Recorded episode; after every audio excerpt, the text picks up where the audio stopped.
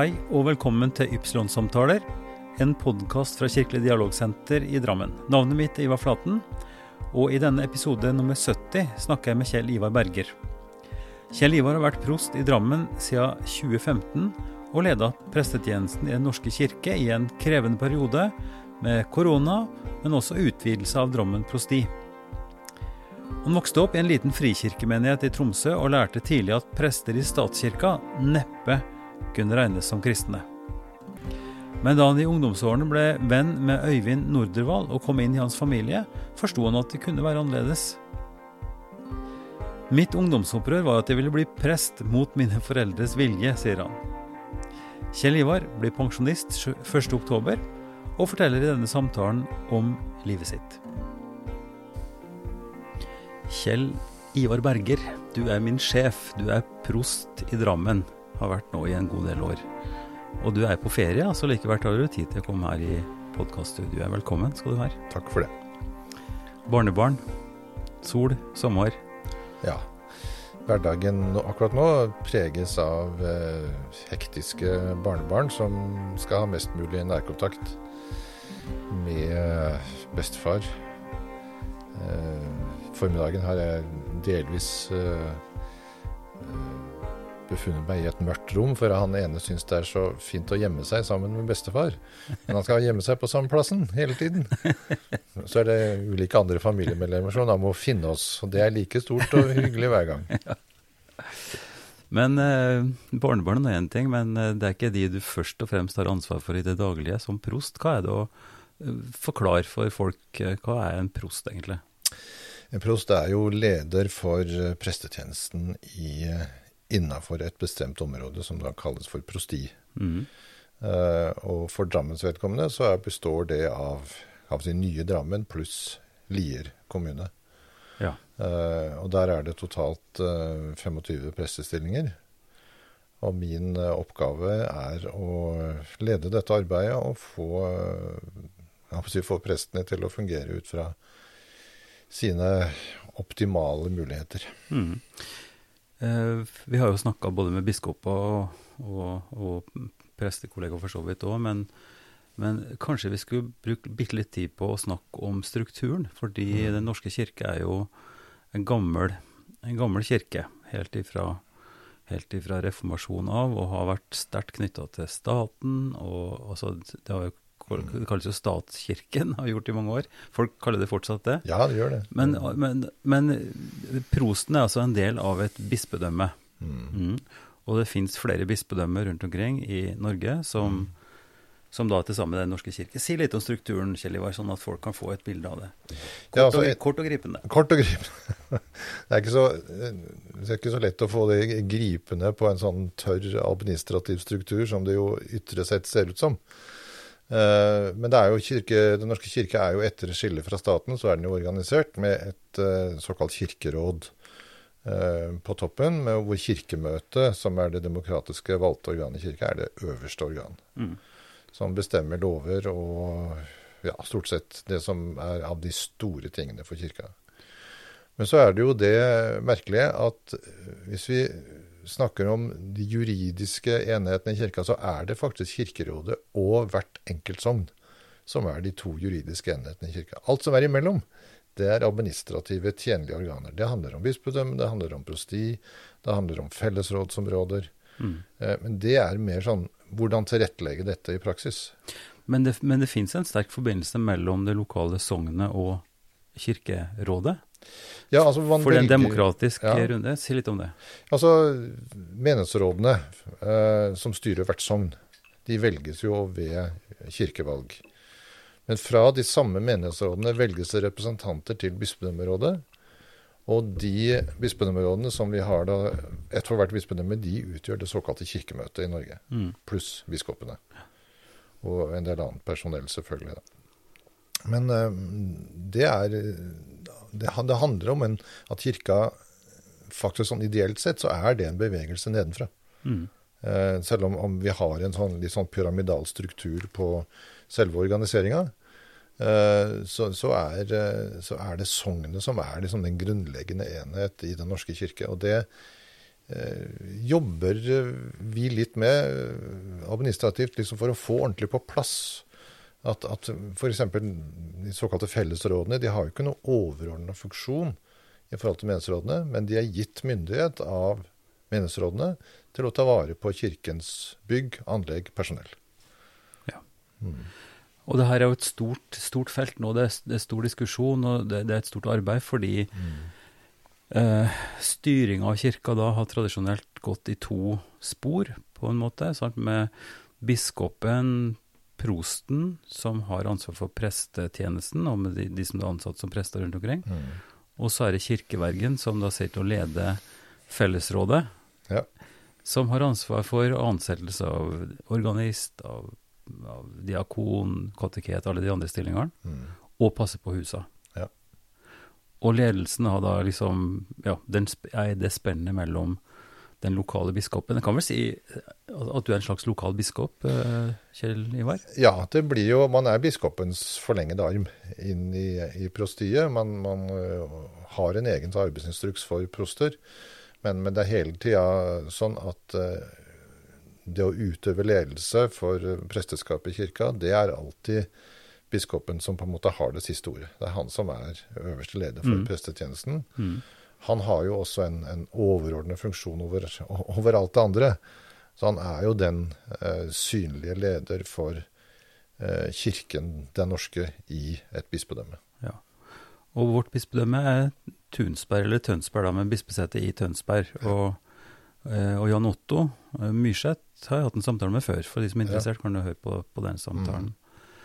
Men eh, for din del, du snakker jo om barnebarna dine som, eh, som, eh, som, nå er veldig tett på bestefar og, og liker, like å ha kontakt med bestefar. Eh, hva er din link til dine, dine folk, altså prest? Hva, slags eh, grep har du om den kontakten med presteskapet her i, i Drammen? Da? Det over, I det nye Drammen og plutselig er det jo over 20 ja. prester. Hva slags eh, hva tenker du om det? Hva er ditt ansvar der, først og fremst? Uh, altså Vi har jo uh, hatt en, en, rar situasjon, som, som alle vet. Uh, vi starta jo dette nye prostiet fra første, i første 2020. Mm. og da var jo planen, planene lagt for at man skulle sy sammen dette som en type arbeidsfellesskap prestene imellom for hele prostiet. Mm. Og så måtte man jo digitalisere denne type virksomhet. Men jeg har altså hatt omtrent ukentlige møter med prestene gjennom hele denne koronaperioden. Ja, for det er jo, det er jo koronaperioden vi, vi, viser til når ja. det har vært unntakstilstand, og spesielt ja, altså, sammenfallet med, med, det nye prostiet og sammenslåinga. Ja, det altså. ja, mm. Så det er veldig mye planer som man tar skrinlagt, ikke minst av hensyn til, til smittefaren og, og ønsket om å da på en måte få en type teamfølelse for prestene mm. i prostiet, som jeg sa. Uh, og det har vi måtte, måtte ha utsatt en del, da. Uh, men, men, vi har likevel gjennom kontaktmøter og gjennom de digitale plattformene, så har vi likevel hatt kontakt med hverandre. Og jeg har jo hele tiden i denne perioden også hatt enkeltsamtaler med prestene, sånn at jeg har jo mm. det som mitt ansvar. Ja. Uh, og så har vi også delt hele dette prostiet inn i fem soner, sånn at vi har litt sånn mindre gruppemøter med prestene innenfor hver sone. Mm. Ja. Mm. Og hvis du snakker om hva oppgaven er, så uh, jeg har vel et motto som jeg, jeg av og til gjentar for meg sjøl som prost, og det er at jeg, jeg, skal få prestene til å skinne. Mm. Uh, altså Det er på grasrotplanet at Den norske kirke lever. Mm. hvem som er prost og hvem som er biskop, det er, det er nesten revnende likegyldig for de mennesker som søker kirka med hensyn til dåp, vigsel, gravferd. Mm. Det de møter, er den lokale presten, og når den lokale presten fungerer godt, da gjør kirka en god jobb. Mm. Ja. ja. for kirka er jo eh, sånn sett i vår tradisjon da, eh, knytta til geografiske områder eh, med sogn. Mm. Eh, og at, eh, at sognet og eh, et område som da bare ikke Det er jo ikke bare kirketilhørige, men det er òg mm. Eh, et, et, lokalt et sted og et lokalt område. Eh, og det er litt artig å tenke tilbake på Drammen her, med, med da Strømsøkirka ble bygd ja, midt på, eller litt over midten av 1600-tallet, så var den bygd med en kapasitet for å ha plass til de som da bodde på den sida av elva, altså ca. 900 ja. personer. Og det var forutsatt at folk kom til kirka, det var liksom det møtestedet som mm. fantes og sånn. Mens nå, uh, den inndelinga som er i Drammen, da, med f.eks. Fjell, uh, Fjell sogn, der jeg har gjort tjeneste uh, en god stund, så, så finnes det jo veldig mange som ikke har den tilknytninga til kirka i, i, form av medlemskap, eller vært som døpte. Mm -hmm. hva, hva, tenker du om, om den situasjonen? Altså, hva, hva, er prestens, den lokale presten som da skal skinne og, og ha en funksjon? Hvem er det han er til for, først og fremst? Ja, eller hun. Eller hun. Ja. Mm. vi har jo fått inn eh, en nokså skarp distinksjon rent formelt mellom eh, kirkens medlemmer og kirkens ikke-medlemmer. Mm. Det er jo tvunget seg fram litt av administrative og økonomiske grunner. Fordi at man må finne ut hva slags økonomisk plattform og grunnlag man skal ha. Men det er jo faktisk sånn at det er litt opp til hver, hvert menighetsråd og, hver prest å definere sin rolle i lokalmiljøet. Hvorvidt man vil være prest for den lille flokk, eller om man ønsker å være prest for et, eh, et større publikum, for å kalle det det. Uh, og siden du nevner Fjell, så er jo det et eksempel på et, et menighetsråd som har definert sin rolle i lokalmiljøet. Altså vi vil være en, en kirke for alle som bor på Fjell. Mm. Uh, og ideelt sett så tror jeg nok de fleste menigheter ønsker det, men, men jeg ser at, at, noen har et arbeid som mer konsentrerer seg om kirkens medlemmer, fordi det er mange nok, da. Ja. Uh, i innafor sognet. Og man klarer ikke å, å, å, ta unna mer enn det som handler om å betjene kirkens medlemmer. Så det ligger ingen kritikk i at, at noen må prioritere det. Men jeg bare sier at der hvor man har mulighet til å, å drive et uh, ekspansivt arbeid som handler om kontakt med andre troende, med, med, andre frivillige foreninger og lag i lokalmiljøet, så er jo det bare en fortsettelse av en gammel tradisjon som det har vært på landsbygda i all, mm. i all tid. For det, en kan vel si jo at det, det, har jo ikke vært sånn at, at hele befolkninga har vært veldig sterkt knytta til kirka. Det har vært av nødvendighet. Mm. Eh, vi har jo snakka om før i den podkasten at eh, på, på, et visst tidspunkt så, så hadde du ingen sjanse i sivilsamfunnet om du ikke var konfirmert, f.eks. Mm. Ja. Mm. Eh, altså at det var en veldig sterk forbindelse der, og presten og kirka har en sterk maktposisjon òg, sånn sett, i, mm. overfor folk. Mens, mens en så klart ikke har det på samme måte lenger. Men, men, det er klart, den primære funksjonen til en prest er jo det å, å, gjøre, å gjøre, den kirkelige tjenesten, altså som handler om dåp, som handler om forretning av, av eh, altså sakramentsforvaltning, mm. preken, gudstjenesteliv eh, og begravelse, vielse, mm. det som ligger rundt der. Og det er klart, der, der er det jo forskjell fordi altså prestetjenesten, størrelsen, hvor mange som, tjener, som, som, jobber som prest, og hvor stor mange de oppgavene, vil styre kapasiteten. Men, men eh, jeg er nok ute, jeg fisker litt etter det er også den rollen som presten lokalt har, og som enda kunne på en måte kanskje forstørre opp og si at uh, prostens rolle i, i, et prostområde, i et prosti, og biskopens i et bispedømme. Altså den, den uh, funksjon, eller den, det talerøret, eller den posisjonen. Hva tenker du om, om en sånn rolle, f.eks. i Drammen-samfunnet, som du mm. nå kjenner etter den tjenesten som du har hatt her? Ja, ja eh, det er klart at kirka, også etter at man skilte kirka formelt fra staten altså man, man går jo ikke man skifter jo ikke ut huet på folk, selv om man skifter eh, en, en type kirkelig administrasjon. Mm. Så i folks liv så har jo kirka fortsatt en stor plass, selv om man kanskje bruker den bare ved livets merkesteiner. Mm. Uh, og i tillegg så, så, er jo dette med, som nå defineres uh, også politisk, det er dette med kirkens samfunnsoppdrag. Mm. Hva slags uh, oppdrag, når vi da ikke kan si, stå der som en sånn maktfaktor i, i samfunnet, hva slags oppdrag skal vi da ha? Eh, når vi ikke kan tvinge folk til å være religiøse, men vi må ta det vi får. Eh, og da har vi jo snakka om de gode, å bygge de gode relasjoner. Og der er både prost og biskop helt klart sentrale i, i det å, å, fronte Kirken som en verdifaktor i et samfunn som kanskje mer og mer forholder seg relativt til eh, verdispørsmål. Mm. Det blir, eh, Politikerne jobber veldig mye ut ifra eh, det som vi kaller for et sånn adhoc-prinsipp.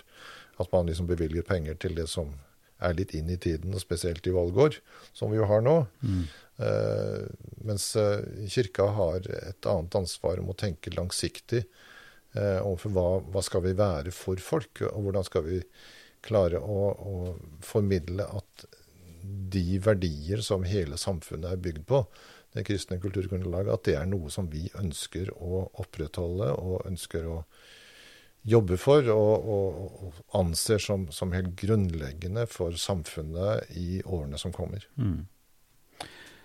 Det er jo litt spesielt eh, når jeg nå har invitert til den siste episoden av podkasten nå før sommeren. Så er det jo fordi at, eh, at du i din stilling nå eh, har sagt at du, at du ønsker å tre av. Du blir pensjonist i september. Og da er det jo samtidig en, en mulighet, tenker jeg, og en god anledning for meg til å, å ta opp litt av de tinga som må prege det som, som både teolog og som, som, prest, ansvarlig leder for prestetjenesten i et prosti. Det er jo ikke det, er jo ikke det første prostiet du har hatt ansvar for. Eh, mm. Og du har også hatt tjeneste så klart som sogneprest og i annen sammenheng. Men jeg har lyst til at vi spoler helt tilbake, i den grad det går an å spole helt tilbake. Men din barndom og oppvekst, var det som, var det som eh, pensa det inn på det som etter hvert ble din livs eh, oppgave og din, eh, din, jobb, Kjell Ivar? Si litt om starten. Hvem var Kjell Ivar som guttunge? Jeg var en uh, humoristisk liten fyr som uh, hadde en veldig alvorlig bestefar i sokkeletasjen. Han hadde vært uh, forstander i Frikirka, den evangelisk-lutherske frikirke, i en menighet, og, og var på sine eldre dager blitt en veldig alvorlig og dyster mann. Og vi krasja nokså kraftig ved mange anledninger. Hvor hen i Norge plasserer oss geografisk? Vi er i Tromsø. Ja. ja. Mm. Uh, det høres kanskje ikke sånn ut, men det er derfor mm, ja. jeg faktisk kommer. Mm. Så jeg vokste opp i en liten, trang frikirke, uh, og hvor det å, å, for mine foreldre å tenke på at jeg skulle bli prest, det var en helt utenkelig tanke. For uh, jeg fikk jo servert nokså drøye påstander i min barndom om presteskapet i statskirka, som nærmest da var et skjellsord. At, uh, det var ikke sikkert at det var kristne prester, men det kunne forekomme. liksom. Hmm. Så det var et veldig sånn negativt utgangspunkt til prestetjenesten uh, og kirka i det hele tatt. Men hva, hva, eh, Vokste du opp i en stor familie? Hadde du søsken? Ja, det hadde jeg. hadde fem, uh, fem brødre. to mindre og tre større. Ja. og det hadde jo, Barndommen var også preg av at min mor døde når jeg bare var noen måneder gammel. Mm. Sånn at jeg fikk en, en, stemor, og det var gjennom henne at vi også fikk kontakt med denne frikirka. Da. Ja. Men uh, det har jo vært noe som, sånn, et tema som, man, som jeg har vendt tilbake til, og som nok har prega meg en del. Det er jo den oppveksten uten min egentlige mor. Ja. Det har liksom vært uh, litt sånn spennende å finne ut av. Mm. Hvem hun var, og hvordan var hennes uh, Eh, liv på en måte har påvirka mitt liv, selv om hun ikke fysisk har vært til stede i, i livet mitt. Så ja. spennende. Men, men eh, du, du, så klart det er jo ikke så rart at, at du tar opp det her med, med, med kristendomssynet, eller mm. den der kri, veldige kritikken mot det etablerte kirkesystemet. Altså mm. forholdet mellom det frikirkelige, og da kunne vi tatt et ganske stort sveip mm. fra frikirke over til, til pinsebevegelsen Altså det, og her i byen har vi et stort nærvær av hele ja. den kirkefamilien, kan du si. da. Men når du drar det fram sånn, så betyr det at du, du vil si at det, eh, det satt, satt en del premisser for din, for din utvikling og for ditt, for ditt liv. Altså, hva, hva, hva, drev du med som guttunge? Hva du, drev du med sport, eller hva, det, hva, var det som var greia? Nei, jeg var, eh, vi, var eh, en familie som Vi hadde rett og slett ikke råd til å, å være med i organisert friidrettsaktivitet.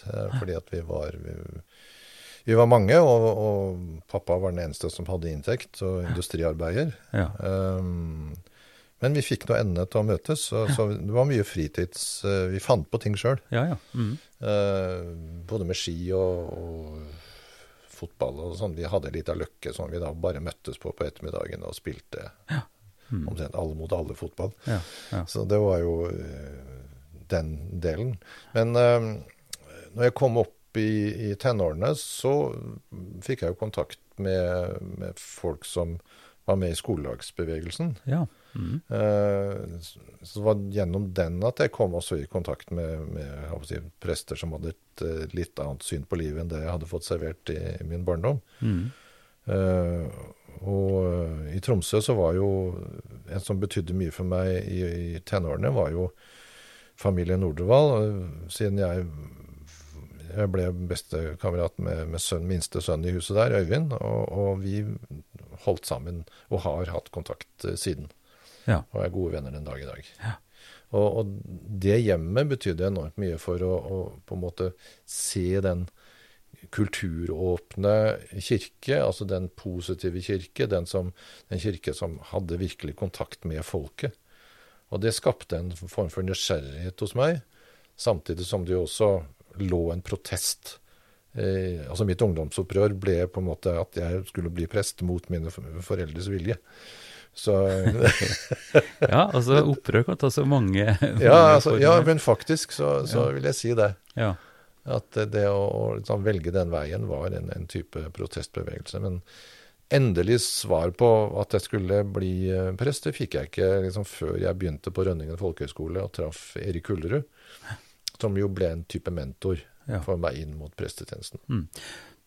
Men siden vi begge to har sitt som, som teologer, vi har hatt flere samtaler nå, ikke minst nå med et par av de siste, med Anne Gretsbergen Rørvik, eh, som snakker om sin, eh, sin oppvekst og sin, eh, sine formative år, ikke minst da i, i teologien og møte med Jakob Jervel osv. Og, så og, og sånn. Men, men altså, kan vi ikke ta litt nerding her nå? Kan, eh, kan du ikke si litt om hva som er på en måte hva som var det trange, eller det som du opplevde som så dystert, eller skal, ja, til og med negativt, så det var grunn til å, å gjøre et opprør fra det? Mm. Litt mer sånn fagteologisk kanskje, eller ikke bare emosjonelt, fordi at det kan vi begge to snakke om. Mm. Ja, ja, ja. For, for jeg har erfaring i tilsvarende ting kanskje, men, men hva er greia? For det her er jo motsetninger som, som vi ser i dag. Ja da, og det, dette går jo kanskje først og fremst på, på menighetssynet. Okay. Hva Mhm. er en menighet? Mhm. Og i den uh, lille frikirka som jeg vokste opp i, så, var, så, så husker jeg at jeg veldig tidlig reagerte på den type eh, kontroll som ble utøvd fra ledelsen sin side. Mhm. Altså at man, man eh, skulle omtrent følge med i hva eh, side man ga i kollekt, ikke sant. Eh, Altså, det, det, og det var ikke populært å ikke komme på en gudstjeneste eller et møte der man skulle møte opp på alt som var. Mm. Og denne kontrollen uh, stilte jo jeg veldig tydelig og tidlig spørsmålstegn ved. Altså er, er dette en måte som Guds rike skal vokse på? Mhm. Gjennom at vi som mennesker utøver en type både åndelig og fysisk kontroll. For den gikk jo på alle livsplan. Eh, Så, så det var jo Du snakker om et sånn emosjonelt opprør. Ja, men, men det var det var det for så vidt det, men, men samtidig så var det begrunna i en, en tenkning som jeg merka at jeg hadde veldig tidlig, som, som både gjaldt kritikk mot den form for menighetsstyring, og det gjaldt også den type forkynnelse som vi ble utsatt for, som var veldig eh, anti-global. altså den var, var veldig innsnevra, og den, eh, det eneste formålet med livet her på jorda var at vi skulle komme til himmelen. Ja. Mm. Altså det, og det var for meg ble det et altfor snevert bilde av den Gud som jeg trodde på, allerede som, som nokså liten. Og da blir det jo veldig sentralt på hvilken måte en skal da komme til den himmelen. Ja. Mm. Eh, og at det har med moral og livsform og Mm. tenkning kanskje å gjøre òg. Ja. Det, som sagt, det, det, det skulle jo kontrolleres, alt sammen. Og da, da ble jo moralen eh, også en veldig viktig bit av dette her. Og jeg opplevde vel at det ble Evangeliet ble veldig lite i dette miljøet. Eh, det ble veldig mye snakk om, om hva man kunne gjøre og ikke kunne gjøre. Det kjenner jo du og Jenny fra, fra, fra Ja, ja. din oppvekst. ikke sant? ja, ja visst. Ja, ja. Det er veldig mye likt. Jeg har gjort, Mm.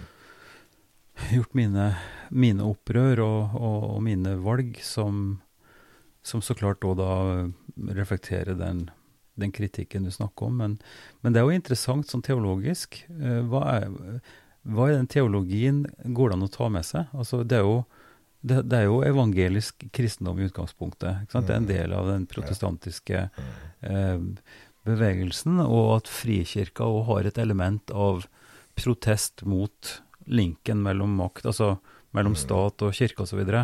så det, det, ligger, det, ligger jo en altså Så klart, det, sånn er det med alle ting. da. Mm. Det ligger en konstruktiv og en god eh, utgangspunkt der. Og så, og så, er det jo veldig stor forskjell, vil jeg tro, på ulike frikirkemiljø. Så, da, så vi, igjen, da. Du snakker om å få presten til å skinne, men det handler vel om å få en prest som, som forstår rollen sin, og som, ja, som, eh, som gjør en, en, jobb og en tjeneste som, som biskopen, og da prosten, har et ansvar for å, for å se. Eh, men, men, kunne du tenkt deg å si litt om det? Altså, hva er det i den frikirkebakgrunnen, i den frikirkelige, som du har jobba for å få samarbeid med her i byen, ikke sant? Mm -hmm. hvis vi nå skal ta på den, den vinklinga si, hva er det der som er et godt korrektiv, eller som er verdt å, å få løfte opp? Ja, det ligger, syns jeg, da, i, i på å si, Hvis man skal snakke bibelsk her, i, mm. i det som Paulus skriver om i, i første Korinterbrev, eh, om det som vi kaller for kjærlighetens høysang. Mm -hmm. Eh, som har eh, vært veldig viktig for meg gjennom hele livet. Dette med at vi ser stykkevis. Vi mm. forstår stykkevis. Vi taler stykkevis. Mm. Og i det ligger det en veldig innrømmelse av at andre ser andre stykker og, ja. og andre verdier enn det jeg ser. Og, og disse, disse, tingene kompletterer hverandre litt, tror jeg. At når du får tak i eh, det større bildet, så får du også tak i, i, Guds storhet, på en måte. At vi som mennesker avspeiler litt forskjellige sider ved, ved gudsbildet. Mm. Eh, for meg har det vært helt sentralt da jeg har jobba for at eh, økumenikken, altså det felleskirkelige, skal, skal, få et sterkere gjennomslag i denne byen. For jeg var veldig forskrekka når jeg kom hit som prost og så at dette arbeidet lå jo helt brakk omtrent. Det var veldig lite igjen av det. Det hadde vært mm. Eh, tidligere med fellesmøter og, og, andre ting som hadde samla en viss type folk. Men, men det å, å liksom ta et tak og si at dette, vi kan ikke fortsette eh, med, med så avgrensa bostenkning når det gjelder eh, Den norske kirke og, og frimenighetene. Mm.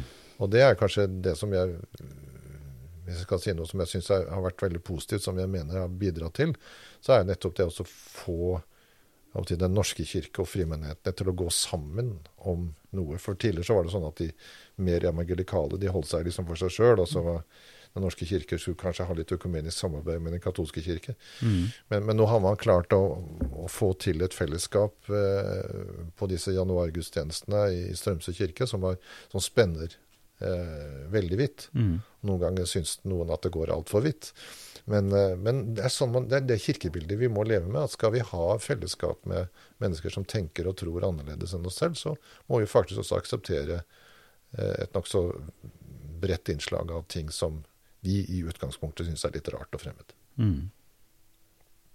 Og det der har du levd i helt fra starten av, men da du snakker om familien Nordvall og og din oppvekst i Tromsø, som da etter hvert førte ned til folkehøyskole. Mm. Eh, og de valgene du har gjort etterpå, er jo da en, en slags logisk følge av det. At du, du, har gått inn i Og som ganske ungt menneske så, så gikk du inn i, i teologien. Mm. Eh, si litt om møtet ditt med, med det teologiske studiet, med den bakgrunnen du har. For det var heller ikke bare bare, vil jeg tro. Eller var du i utgangspunktet da på en måte så klar over den spenninga at du gikk inn i det. Ja, rett og slett si litt om det. Mm. Jeg syns at eh, Altså, vi ble jo Jeg ble jo ettertrykkelig, som du kanskje også skjønner, advart mot teologien som fag.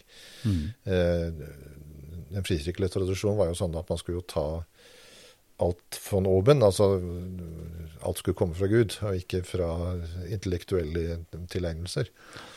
Men, men, det blåste jeg jo i, og, og, og syns at eh, helt fra dag én i det teologiske studiet så har det vært eh, en form for sånn nysgjerrighet hele mm. tida som har, har, drevet meg, og som har som har gjort det fantastisk eh, artig, syns jeg, å stadig lese meg litt opp på teologisk forskning, og hva folk finner og leser eh, av de hellige skrifter. altså. Mm. Det er en, en, nesten en sånn utømmelig kilde. Og så, som jeg sa i sted, det er nye mennesker som kommer til med nye tanker, og som åpner nye dører inn til en del av de tradisjonelle forståelsene av en del fortellinger i Det nye testamentet, eh, som gjør at de, de, blir helt nye for oss. Mm. Så ja, jeg syns det har vært eh, Altså, teologien har eh, Jeg koste meg gjennom hele, alle de seks årene på studiet. Det var ja. flott. Eh, og vil du si at det var bestemte deler av teologien som fascinerte meg? Nå har du snakka om bibelfaget, eller, ja, eller Det Det var nok bibelfagene som eh, Jeg ble en hjelpelærer i Gammeltestamentet på Menighetsfakultetet. Eh, fordi at jeg, jeg syntes at hebraisk var veldig spennende som språk. Og jeg syns også at, at, veldig mye av det som, som var på det mest uutforska av teologien rent sånn språklig og etymologisk, det, det, lå i Det gamle testamentet. Mm. Der var det mange I og med at, det hebraiske språket er så åpent som det er, mm. eh, så, så, så, kan en setning bety veldig forskjellige ting. Mm. Og, og, de valgene som man tok da på 200-300-tallet, når man liksom skulle ha dette inn i en kanon, det er ikke sikkert de bestandig var like riktige. Mm. Og der åpner du jo så klart et kjempeområde som er spennende å mm. snakke om, eh, fordi vi deler da hellig skrift med jød, ja. jødedom, og, og, det er et stort tekstkorpus som, som så klart er ganske åpent, og, og til dels så ganske kan vi si, tvetydig. Mm. Eh, du, du, du, sier jo det samme her, at det, det kan forstås på forskjellig vis. Men, men også, når vi snakker om gudsbildet og forståelsen, altså forkynnelsen av, av Den hellige skrift og av evangeliet, da, altså det, vi, mm. det som er på en måte prestens oppgave i, i, i, ordets tjeneste, som vi snakker om. Mm. Eh, den utfordringa som ligger i det tekstmaterialet, eh, der enkelte Du har brukt ordet evangelikale, eller, eller, de som kanskje da går i en retning av å lese Bibelen mest mulig tett på, og tar det mm. for liksom på nærmest sånn som det står, skal det leses, og det er Guds ord direkte. Ehm, hva, hva, har du, altså i dine studieår og etterpå, på hvilken måte tilrettelegger du for de, alle de forskjellige vil vi si gudsbilder som mm. fins i, i, Det gamle testamentet? Det er jo ikke, det er på ingen måte entydig. Nei. Uh, det er veldig, og det er jo en, sånn, en spennende utfordring, syns jeg, da, hver eneste søndag. Mm. Det er jo å, å ikke bruke bare Gamletestamentet, men bruke det som i, i, vår tro skal være sentrum og, og mål for vår forkynnelse. Og det er jo å ikke eh, legge ut Skriften bare for å være en interessant fortolker av et skriftmateriale, men at vi skal peke på Jesus som den som er Guds ansikt, var Guds ansikt og er Guds ansikt i vår verden. Eh, og da blir selve Jesus person og det han sto for og det han forkynte, i den grad vi har det gjengitt riktig, eh, så blir det en veldig korrektiv også til måten vi da måtte legge ut andre deler av Skriften på. Eh, vi er bundet av, av ikke bare av, av, Skriften som sådan, men vi har jo også en klar målsetning i våre bekjennelsesskrifter om hva forkynnelsen og hva Kirkens innhold skal være. Eh, og da har vi jo de siste årene kanskje beveget oss ifra en veldig litterær og dogmatisk måte å jobbe på som kirke, mm. til å bli mer diakonal. Altså at vi, vi, ser at kirkens oppdrag når vi skal representere Jesus og, og, fortelle oss verden hvem han er, så nytter det ikke bare med ord. Da må vi inn i handlingsrommet. Mm. Og da går vi, på en måte er vi tilbake inn i det som vi begynte med å snakke om, nemlig Kirkens samfunnsoppdrag. Altså Vi mm. har en, en diakonal tjeneste i folket som vi skal utføre. Eh, og som, som, skal prege Kirka eh, både sentralt og lokalt mm. i, i, vårt arbeid. Ja. Nei, og da, Det du da snakker om, er jo at, at du har et, et, gravitasjonspunkt og et sentrum i, i tjenesten som handler om Kristusforkynnelse, om evangelieforkynnelse, Mm. og der eh, materialet ellers brukes eh, som tilfang og forståelse av det. Mm. Og her har vi jo veldig lange tradisjonsløp på hvordan tekst kan fortolkes, og må Mm. fortolkes på forskjellig vis. Mm. Eh, det som da er konfliktmateriale, kanskje, når vi snakker med, med Og da kan jeg tenke tilbake på min egen far, eller bestefar og bestemor, som, som har veldig, veldig sterke oppfatninger av hvordan ting skulle være, og at det var bibelsk begrunna. Eh, og, at vi, og, og det merker jeg så klart òg kjempegodt i mitt arbeid i, i dialog, Mm. med folk som da har helt andre perspektiv, og ikke, ikke går ut fra det samme eh, sannhetsbegrepet. Altså det å skulle Når når en, når en går ut da med det som da er liv og død, på en måte, ikke sant? som er s- Mm. setter retning for, eh, for, eh, for hele livet, og som skal være grunnlaget for et liv og en tjeneste. Eh,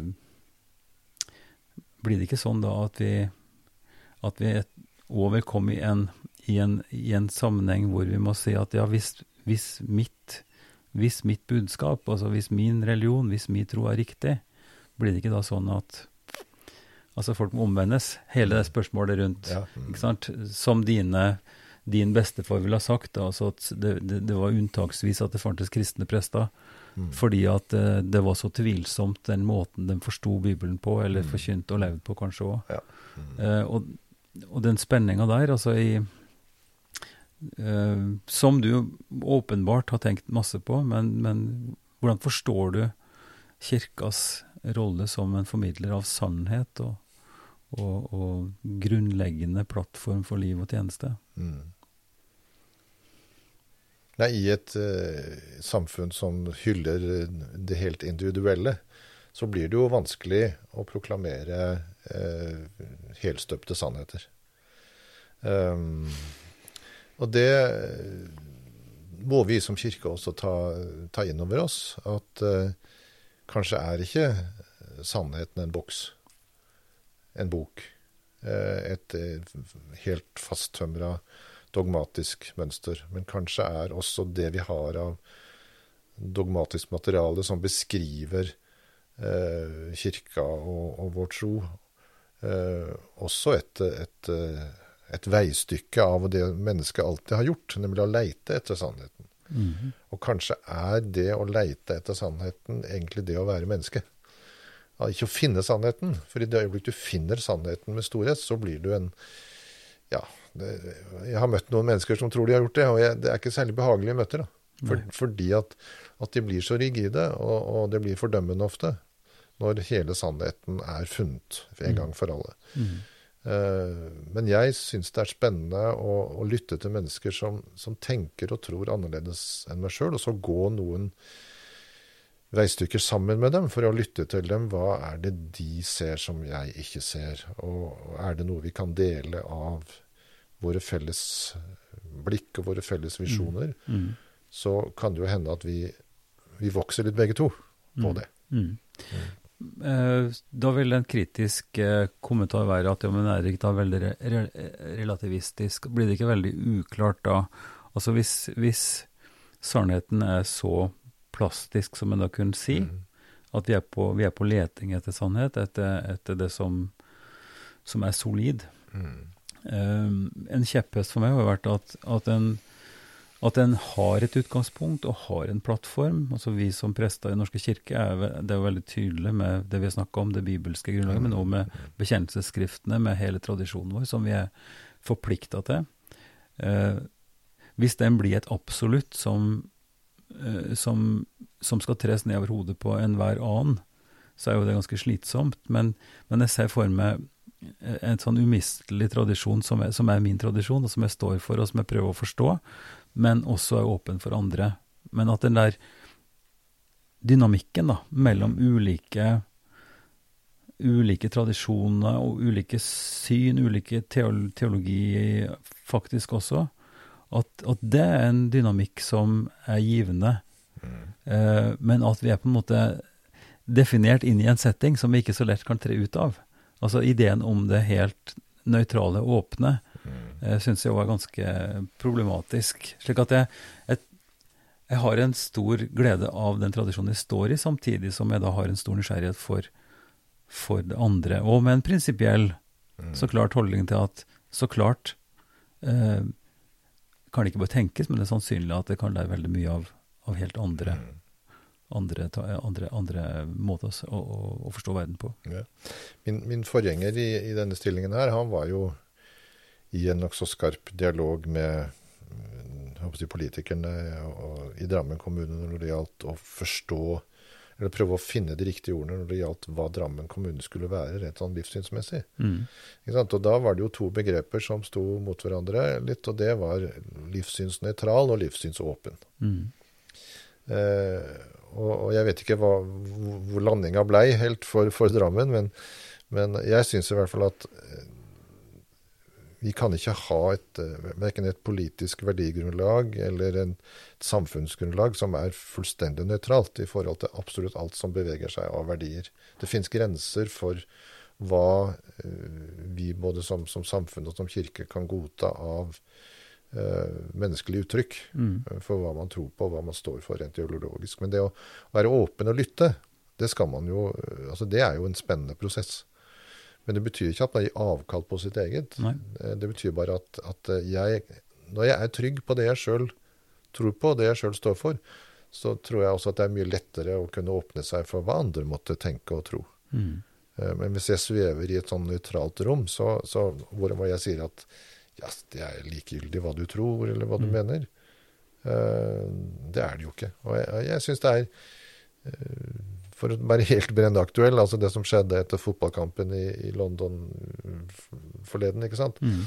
Eh, hvor, hvor både politiske og, og, idrettsledere står fram og sier at dette kan vi bare ikke godta. Altså vi, vi setter ned foten for dette. og vi vi, vi ut, hørte akkurat på Dagsnytt nå i sted at det var en, noen av disse pøblene, holdt på å si, de som hadde uttrykt seg på, på, på medier om, om, rasisme og sånn, at de, mm. de, blir utestengt fra all mulig kontakt med fotballstadion mm. i etterkant. Altså, og Det er en tydelig røst i et samfunn, at det går en grense for hva også et, et demokratisk, åpent samfunn skal godta av ytringer. Mm.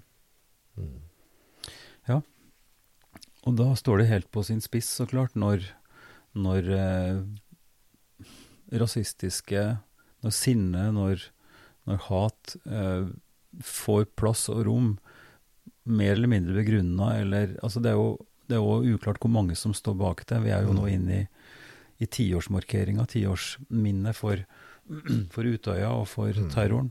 Mm. Eh, der der det blir så helt, helt tydelig at enkelte går eh, helt Altså mister helt fotfestet, på en måte, da, virker det som, i mm. sin eh, ideologiske kamp eller sin forståelse av hvordan, hvordan ting er, og, og, at en da må holde fast i et slags et felles skal vi si, humanistisk, humant grunnlag i at vi må kunne snakke sammen, og at det fins mm. umistelige ting som, ja som vi da står sammen om. Og, at, og, og da tenker jeg òg at, at, språk og begrep eh, er veldig viktig når vi snakker om, om Gud, og om, om, det umistelige, om hva som er plattformen, fellesskapet vårt. At det fins et stort tilfang av, av, tenkning og ord som åpner opp, og som ikke lukker igjen. Mm. Uh, og du var jo inne på det, første Korinterbrev 13, ikke sant, det med kjærlighetskapitlet til Paulus.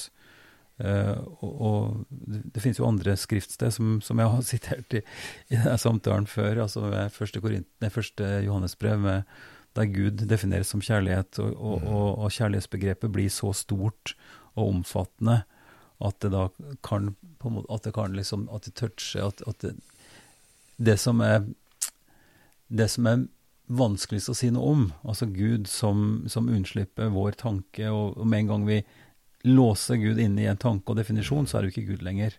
Og at kjærligheten er vel, vel egna til, til, til, en sånn tanke. Altså at, at kjærlighetsstyrken, kjærligheten som kraft, som rettferdighetskamp eh, At alt det der òg er universelt, da. Mm. Kanskje. Jeg, vet ikke. Men, men at det òg er et grunnlag som vi kan møtes på nesten uavhengig av hvor vi står Mm. eh, religiøst. Ja, det tror jeg, tror jeg er veldig viktig sånn eh, grunnleggende. Altså ikke bare forståelsen av kjærlighet, men kanskje i forståelsen av livet som helhet. da. Eh, Og det tror jeg nesten samtlige jeg å si, religiøse tenkere og, og ville, være glad, ville være med på å definere at livet i utgangspunktet er en gave. Mm. Og at, og at jorden som sådan, altså det globale, også er på en måte noe som vi har gitt felles som menneskeslekt. da. Mm. At dette er noe vi skal ta vare på og hegne om. Eh, og det ligger jo, bak det hele så ligger det jo en tro på at Uansett hva man tror, så, så er det en, en tro på at det er en, gud som på en måte holder eh, verden i sine hender. Er det ikke det vi sang Mm. om i Mm, vår mm. ungdom? Ja, ja. Ja. He's got the whole wide world in his hand, ja. Ja. Men uh, Kjell Ivar, la oss ta et lite sveip tilbake igjen. Fra da Rønningen og, og teologistudiet ditt, eh, så har du ganske mye forskjellig slags presteerfaring før du kom hit til Drammen. Eh, dra oss gjennom den turen du har hatt gjennom kirkelandskapet som, som prest. Ja, det starta jo med, med noe livsfarlige greier. Jeg ble eneprest på landet. Eh, oppe i Fosen på, i Nidaros bispedømme. Mm -hmm. Helt ytterst mot, eh, mot kysten der. Eh, og jeg sa til meg sjøl at det var jo godt jeg kom et sted hvor det bodde så lite folk, for da kunne jeg ikke gjøre så mye skade. Eh, Men det ble et møte med folkekirkeligheten og kystkulturen som, som var veldig eh, åpnende for min måte å definere meg som prest på. Eh, og hvor det tradisjonelle misjonsfolket fikk jeg jo rett og slett høre i klartekst at de hadde ikke bruk for meg Nei. som prest. nei. Eh, og det betydde jo at ok, hvis ikke de hadde bruk for meg, så var det andre. Mm. Eh, og det opplevde jeg virkelig, og har faktisk kontakt med mennesker fra det miljøet. Det vi snakker om begynnelsen på 80-tallet. 1980-tallet. Så det forma meg nok eh, en del som prest å, å begynne der, ute i, i nokså ensomt uh, lende. Men jeg hadde en biskop som var veldig på i de dager, og det Mhm. var biskop Bremer. Mhm. Og han betydde enormt mye for meg, for han kunne jeg ringe til øh, uansett. Ja. Eh, Prostene hadde jo ikke den type lederrolle da, eh, sånn at biskopen var mye mer sentral mm. i, i, i vår tjeneste, og det var han vi henvendte oss til når eh, det var ting som røyna på. Ja. Så han, han bidro til å, å gi meg et selvbilde som prest som var, var veldig eh, Ja, det var flott. Altså, det, det, det, han løfta det opp. Mhm. Og jeg kommer litt tilbake til han. Eh, Men så, etter fem år der, så eh, ble jeg spurt om å eh, søke stilling som kretssekretær i KFUK-KFM i Trøndelag. De hadde vel oppdaga at den der enslige presten ute ved kysten også hadde noen ungdommelige tanker i hodet. Ja. Så jeg ble omtrent kalt til det. Mm. Og var der i fem år og drev med ledertrening for TenSing-arbeid og klubber og foreninger i Nidaros og Trøndelagsfylkene. Det var også en fantastisk jobb. Men så skjedde det noe artig, og det var at eh, paven kom på besøk. Mm. Og, og da kom biskop Bremer på banen og, og sa at du, jeg trenger en som skal organisere pavebesøket i Nidaros. Kan du hjelpe meg? Det var Johannes Paul. Ja, det var Johannes Paul navn. Ja. Så det var jo i 1989 og, og sånn, og, og, det var en fantastisk uh, jobb som jeg hadde en, en periode Ja. for å forberede det. Hmm. Uh, og regisserte hele denne store gudstjenesten i Nidarosdomen. Så det var en eh, Nei, det var Hva, hva, hva som står igjen? Hva, hva er det som står igjen etter den uh, jobben og det møtet? Nei, det var jo også et Det som da skjedde, var jo at vi danna Trondheim kirkelig råd. Mhm. Altså et felles dette, Denne gudstjenesten som, som biskop Bremer hadde invitert paven til, eh, lanserte vi jo som, ikke som en gudstjeneste mellom Den norske kirke og Den katolske kirke i Norge, men vi definerte den som en felleskirkelig gudstjeneste. Så vi Mhm. hadde jo deltakelse fra hele det kirkelige landskap i, i Trondheim. Ja. Og faktisk i Norge også. Det var flere som meldte seg på helt på tampen. Og med hele, mener du hele? Ja, jeg mener altså helt fra ortodokse til pinsevenner. Metodistkirken, baptisten. Ja, ja. De satt i komiteer og Ja, jobba. Dette var helt fantastisk morsomt. Jeg tror til og med mormonerne var med på det. Eh, og, og det ble jo en fest eh, av dimensjoner i Nidaros, eh, som eh, paven også senere uttrykte at dette var noe han aldri glemte. Mm. Det var det møtet i, i Trondheim. Eh, så ble jeg etter den eh, perioden, så ble jeg da håper jeg, kalt til prost i Sør-Fosen prosti. Der var det ledig prostestilling, og, og biskopen ville ha meg ut dit. Det var da Hitra, Frøya, Snillfjord, Hemne kommuner ja. som utgjorde det prostiet. Og da Mm. fikk jeg jo komme tilbake til kystkulturen og, og traff noe av akkurat de samme tankene og ideene og forståelsen av kirkas vesen i samfunnet som jeg hadde hatt Mm. med meg Mm. eh, fra den aller første tida. Så der var jeg i åtte år. Så var jeg tre år i administrasjon hos biskopen i Nidaros. Uh, før jeg da eh, hadde de siste nesten ti årene da i Nidaros eh, som sogneprest i Strinda. Ja. En sentral Ja. bymenighet i, i Trondheim. Um, så kom jeg da til Mjøndalen som sogneprest, eh, og nå da, fra, 19, fra 2015 som prost her i Drammen. Ja. Og hvis vi skulle heve oss litt, da, sånn, litt sånn helikopterperspektiv eh, den, den tjenesten du har hatt i kirka, sånn som den var fra begynnelsen av og, og fram til nå Du har jo fulgt, du har fulgt den utviklingen ganske mye, da. Du, du, Mm. du har sett, Ja. du har sett eh, bevegelsen fra altså, Kanskje mer og mer profesjonalisering på en måte òg. Ja. Eh, altså i drift, eh, altså måten vi har Vi, vi, vi driver liksom ja, hele det teknisk-praktiske som prest, og i forhold til kirkeverget og alt mulig sånt noe, men, Mm. men har du, har du gjort deg noen tanker om, om utvikling? Altså er vi på vei noe sted? Ser du tendens? Og da tenker jeg både positivt og eventuelt Ja, og utfordringsmessig. Mm.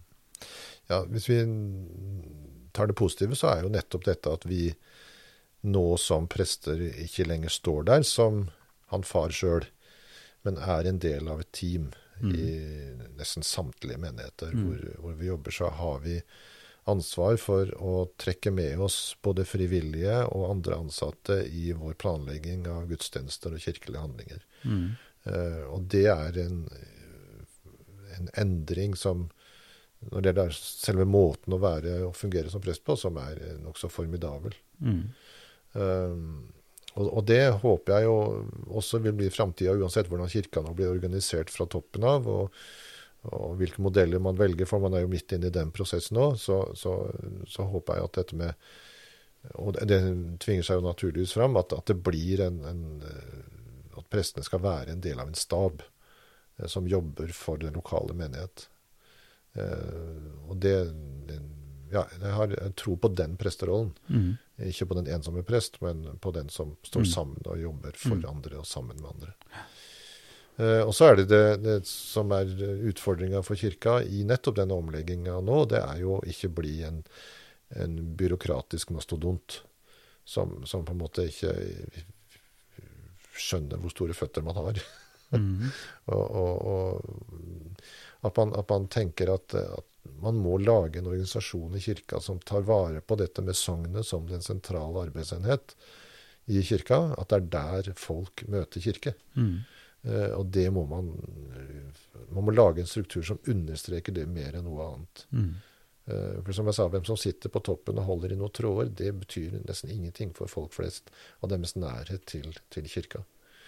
Uh, Det er den lokale menighet og måten de lokalt ansatte presenterer og lever kirka på i, i sitt nærmiljø. Det er det som avgjør hva slags fotavtrykk eh, kirka etter hvert får i samfunnet. Mm. Eh, At vi har, eh, får et, et byråkratisk apparat på toppen, det var jo helt nødvendig etter at vi ble en selvstendig kirke uten staten på toppen, hvor departementet foretok og hadde disse funksjonene. Så en viss byråkratisering er, er nødvendig, men jeg tror vi, vi må tenke oss om flere ganger. Vi kan Mm. ikke liksom bare ta en modell og tro at den skal være eviggyldig. Eh, Jeg må jo si at jeg har, eh, jeg har erfaring som byråkrat, og det er klart når du, du snakker sånn som du gjør nå, så kan du etterlate et inntrykk av at, at byråkrati er en slags uh, negativ kraft. Altså når mm. byråkratiet tar overhånd, når det blir mm. altså sånne ord og begrep. Mens, uh, mens jeg tenker jo at et, et, et, en god byråkrat, eller et godt system, en, en god, et, godt, et, godt administrativt apparat, altså gode rutiner rundt, mm. flinke folk som legger til rette, er nettopp en slags uh, forutsetning for at kirka skal kunne bli mer funksjonell. Mm. Bare det, og Jeg tenker på den IT-utviklinga som har gått ifra jeg kom hit eh, da på, altså for 12-15 år siden, mm. med lokale eh, PC-er, der alt skjedde lokalt, altså med, med sikkerhetskopiering, alt sånt surr. Mm. Mens jeg nå jobber da med store nettverk, og der alt styres, og, og, og økonomien, regnskap. Sånne praktiske ting som jeg syns er utrolig viktig, som kan frigjøre tid, og som kan gi mulighet for, eh, for at en, en, jobber mer skal vi si, tett på folk. da. Mm. Um, jeg kan ikke av, jeg kan ikke slippe det her fra Kjell Ivar før vi tar opp det som kanskje Jeg vet ikke om, om det er sånn for folk flest, men for meg så står i hvert fall et, en forside i Drammens Tidende fram veldig, veldig tydelig når jeg tenker tilbake nemlig den første vielsen av et, eh, et homofilt par mm. i Bragernes, eh, som da kanskje spissformulerer litt både den åpenheten mot kjærlighet og den, den omfavnelsen av, av, av, alle folk, altså alle, alle slags ulike eh, ja, holdninger og sånn, men òg som, som, leder for kirka. Altså, si, si litt om den, om den, opplevelsen både i forkant og, og etterpå. Ja, det var jo eh, Dette ble jo mye større og mye, fikk mye større gjennomslag mediemessig enn det jeg var klar over i forkant. Mm. Jeg visste jo ikke at dette paret hadde gjort en forhåndsavtale med Drammens Tidende om, nei, nei. om at, at Drammens Tidende skulle ha en type enerett på oppslaget og sånn. Men, men, eh, så jeg var ikke helt forberedt på, på den, den, store framsida som du snakker om. Men eh, når den først eh, kom der, og, og sånn, så står jeg inne for, for, alt det som skjedde, og alt det positive som ble etterkant. Og så fikk vi noen kvasse leserinnlegg som jeg var nødt til å besvare. Så jeg, jeg syns, at, jeg syns ikke det var ubehagelig på noen som helst måte. Nei. Det var rett og slett en, en understreking av at kjærlighetsevnen til oss mennesker, den er gitt oss som gave. Eh, og når mennesker opplever at denne kjærligheten går litt andre veier enn det som, som vi tradisjonelt har innenfor en heterofil tenkning, så kan ikke vi som, som er på, si, på den safe siden av denne virkeligheten, vi kan ikke sette oss og definere at det dere føler for hverandre, ikke er gudgitt og ikke er kjærlighet. Eh, det blir å definere mennesker ut ifra et veldig stramt og trangt uh, mønster. Så når jeg ble utfordra på dette, så, så, så, var det eh, helt naturlig for meg å gå inn i det. Og jeg, jeg, det var en, en, god opplevelse også for meg som prest. Mm. Og jeg tror også at uh, Vi snakka om kirkas fotavtrykk i samfunnet. Mm. Uh, jeg tror også den hendelsen satte et positivt fotavtrykk i Drammenskulturen og i Drammen by for kirka. Uh, og så er det fortsatt uenighet rundt det. Det er fortsatt mennesker som, som slåss med dette som standpunkt og som holdning. Uh, men for meg så er det avgjørende at dette dreier seg ikke om prinsipper, først og fremst. Det dreier seg om enkeltmennesker som opplever at uh, de har verdifulle liv, og, og, de vil fortsette å tørre å vise sin kjærlighet til samfunnet rundt seg. Og det her er jo på ingen måte noe som som ikke er aktuelt lenger. Vi, vi ser jo med lovgivning nå i Ungarn helt nylig. Eh, Brudulja rundt igjen, da, hvis vi snakker om fotball-EM som nettopp er gjennomført, med, med, forslag om å få satt opp pridefarge på, på, et stadion som det ble nekta. altså så samtidig som vi òg vet at internt i Den norske kirke, og åpenbart i kirka globalt, mm. er hele den saken veldig krevende. Ja. Veldig krevende. Og, og, og, da illustrerer jeg kanskje uten, uten, at vi behøver å si så veldig mye mer om det, at, at sannhet, eller hva kirka skal stå for, eh, hva som er det viktige i kirka, mm. eh, diskuteres ganske intenst, og at mellom også prester i Den norske kirke Mm. så vil det være uenighet om det her, at en tenker Mm. ulikt. Ja. Eh, og, og, og da er kirkeledelse, altså prosten eller biskopen eller fellesskapet i Norske kirke, helt opp til kirkemøtet, eh, viktig. Mm. Hvordan en snakker om det her, hvordan en, en ja, akseptere eller, eller kanskje til og med omfavne den uenigheten i et uenighetsfellesskap. Er, er- er det mulig å tenke seg at det der er framtid, eller vil det tvinge seg fram på en måte fløya igjen også i, i, i kirka, i organiseringa vår? Det er veldig vanskelig å si eh, altså, Å spå, spå om framtida er eh, en vanskelig kunst. Men, men jeg tror jo at når det gjelder denne tenkningen i Den norske kirke, så tror jeg ikke det går noen vei tilbake. Nei. Jeg tror vi, er, vi har tatt noen standpunkter som, som vi har tatt også ut ifra ikke bare en, en populistisk eh, måte å tenke kirke på, men jeg tror mye av dette arbeidet også hadde bakgrunn i det at eh, folk så at hvis vi tror at Gud eh, har skapt oss mennesker, og at de har skapt, han har skapt oss ulike, så, så må vi akseptere at vi som mennesker også lever ulikt. Mm. Um, det tror jeg er en sånn grunnstamme i vår, vår tenkning. Og så må vi også leve med det at vi tenker forskjellig. Mm. Og, og det er jo, som jeg sa tidligere, det er en stadig utfordring. Men, men jeg vil gjerne lytte til de som er øh, veldig uenige med meg. Jeg vil gjerne ha understreke at fellesskapet med det kristne fellesskapet spenner videre enn et standpunkt i en sånn sak. Mm. Eh, Derfor så håper jeg at eh, eh, vi overvinner noen av de eh, endringene som skjedde også i det eh, arbeid arbeidet rundt denne saken. Og rundt den, den vielsen, hvor jeg opplevde at noen eh, både skrev til meg og tok kontakt med meg og sa at de da ikke kunne være med på den, eh, de felleskirkelige markeringene pga. det som jeg hadde gjort. Og Det er sårt og vondt å, å måtte konstatere, men, men jeg trekker ikke noen konklusjoner når det gjelder eh, hva de eventuelt tenker og står for. Jeg tenker at det er eh, vi, må tåle hverandre som mennesker med ulik tenkning og ulik syn på veldig mange ting innenfor kirka, og også i forhold til de andre kirkesamfunnene. Fellesskapet rundt Kristus er mye større enn våre standpunkter til en del kontroversielle saker. Sånn er det nå, sånn vil det bli, tenker jeg. Sånn har det vært bakover i historia og i kirkas historie.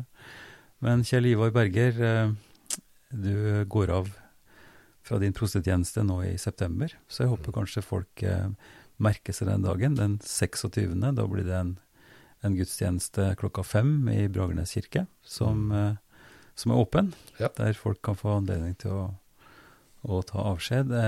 Ellers så ønsker jeg deg en veldig god sommer. Det er siste episoden nå i, før sommeren. Takk for samtalen, og takk for tjenesten din. Takk for inspirerende samarbeid, og lykke til i din nye, i din nye virksomhet og ditt nye liv som bestefar, og hva du nå har tenkt å drive med. Sang, kanskje, til og med? Ja, jeg skal ikke Sang har jo vært noe som, som har fulgt meg gjennom hele, hele livet. Ja. Eh, faren min var jo sanger. Mm. Eh, så han, han endte jo sin karriere med å bli eh, sanger omtrent ved alle begravelser i Tromsø, men jeg håper jeg kanskje slipper det. men i hvert fall eh, sanggleden vil jeg, vil jeg fortsette med, og jeg håper at det også uh, ja, kan gi en positiv effekt. Kjempefint. Takk skal du ha, og ha det bra. Ja, takk skal du ha.